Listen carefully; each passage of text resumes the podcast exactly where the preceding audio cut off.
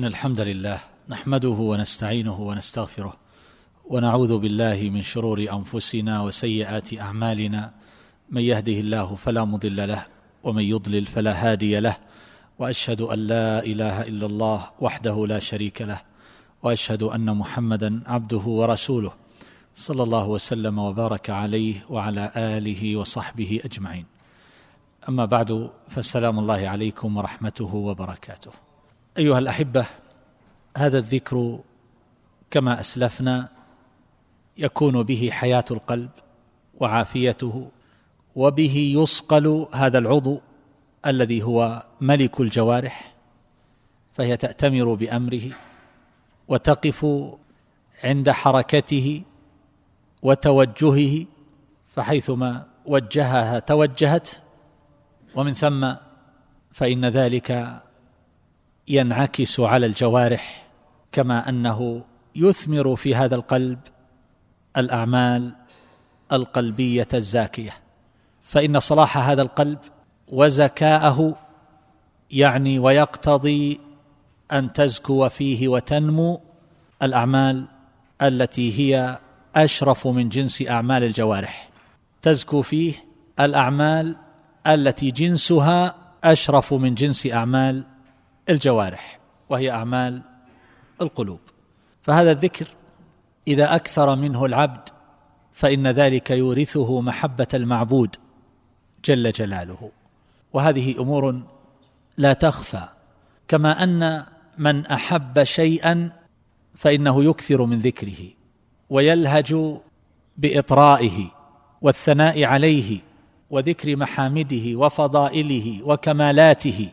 والله تبارك وتعالى هو العظيم الأعظم ذو الصفات الكاملة الذي يستحق الحمد من كل وجه ويستحق الشكر من كل وجه ويستحق الثناء والتمجيد من كل وجه.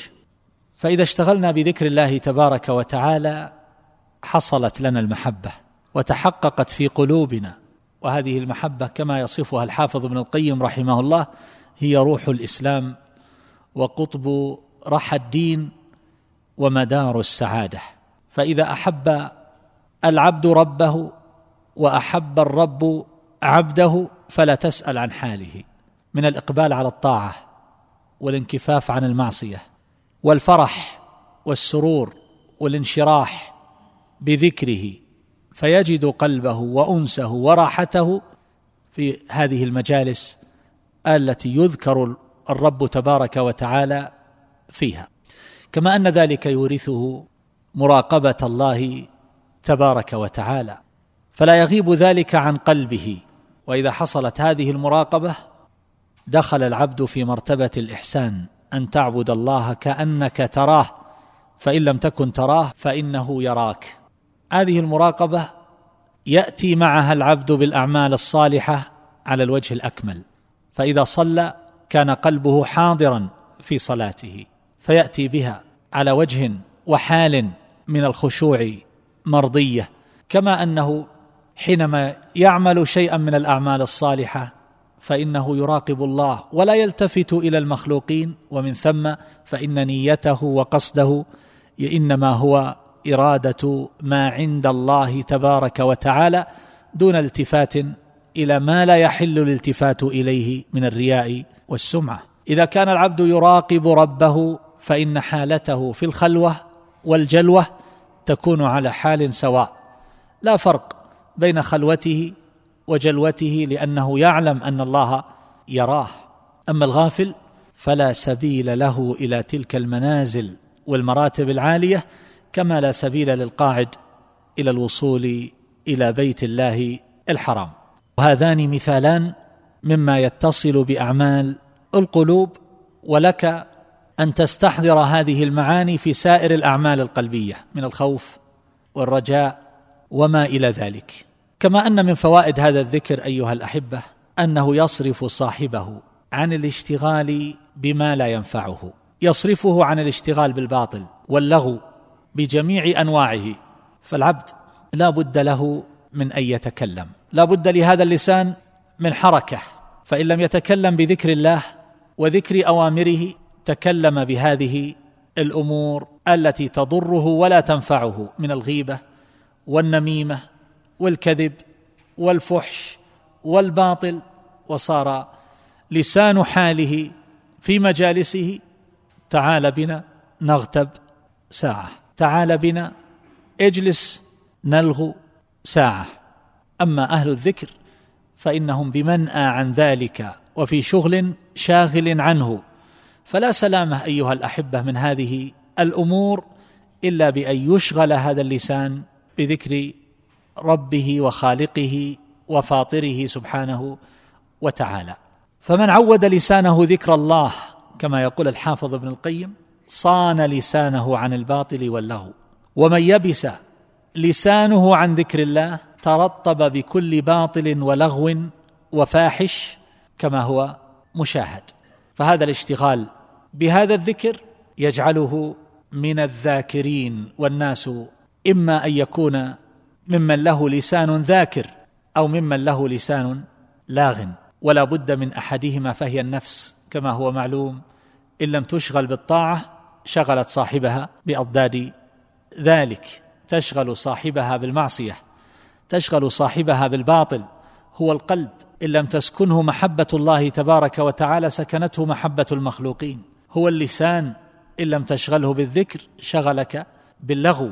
لا سيما في مثل هذه الأوقات أيها الأحبة التي كاثر فيها اشتغال الناس بالقيل والقال. وصارت مجالسهم عامرة بالنقل والكلام والرد والمجادلة وما إلى ذلك مما ينقلونه ويتلقونه عبر هذه الوسائل الإعلامية. فإذا جلسوا صار هذا الاشتغال هو ديدنهم. فمن الذي يشتغل في مثل هذه الأيام؟ بذكر الله عز وجل ويعمر هذه المجالس بهذه الأمور النافعة. إن تتابع الأحداث أيها الأحبة وكثرة ما ينقل من الحق والباطل ومما يثق به المرء ومما لا يثق به ويتناقله الناس على سبيل السرعة كل ذلك يجعلنا نمعن في هذا الاشتغال الذي يبعدنا كثيرا عن ذكر الله عز وجل فتحصل الغفلة للعبد. من فوائد هذا الذكر أنه غراس الجنة. وهل تعلمون شيئا مما يشتغل به الناس في مجالسهم؟ يكون غراسا للجنة سوى الذكر. النبي صلى الله عليه وسلم كما في حديث ابن مسعود رضي الله تعالى عنه يقول لقيت ليلة أسري بي إبراهيم الخليل عليه السلام فقال يا محمد أقرئ أمتك السلام وأخبرهم أن الجنة طيبة التربة وعذبة الماء وأنها قيعان وأن غراسها سبحان الله والحمد لله ولا إله إلا الله والله أكبر. هذا غراس الجنة. فإذا قال الإنسان هذه الكلمات الأربع فقد غرس اربعا من غراس الجنة. وإذا أكثر فإن ذلك يكون له أكثر وفضل الله عز وجل عليه أعظم.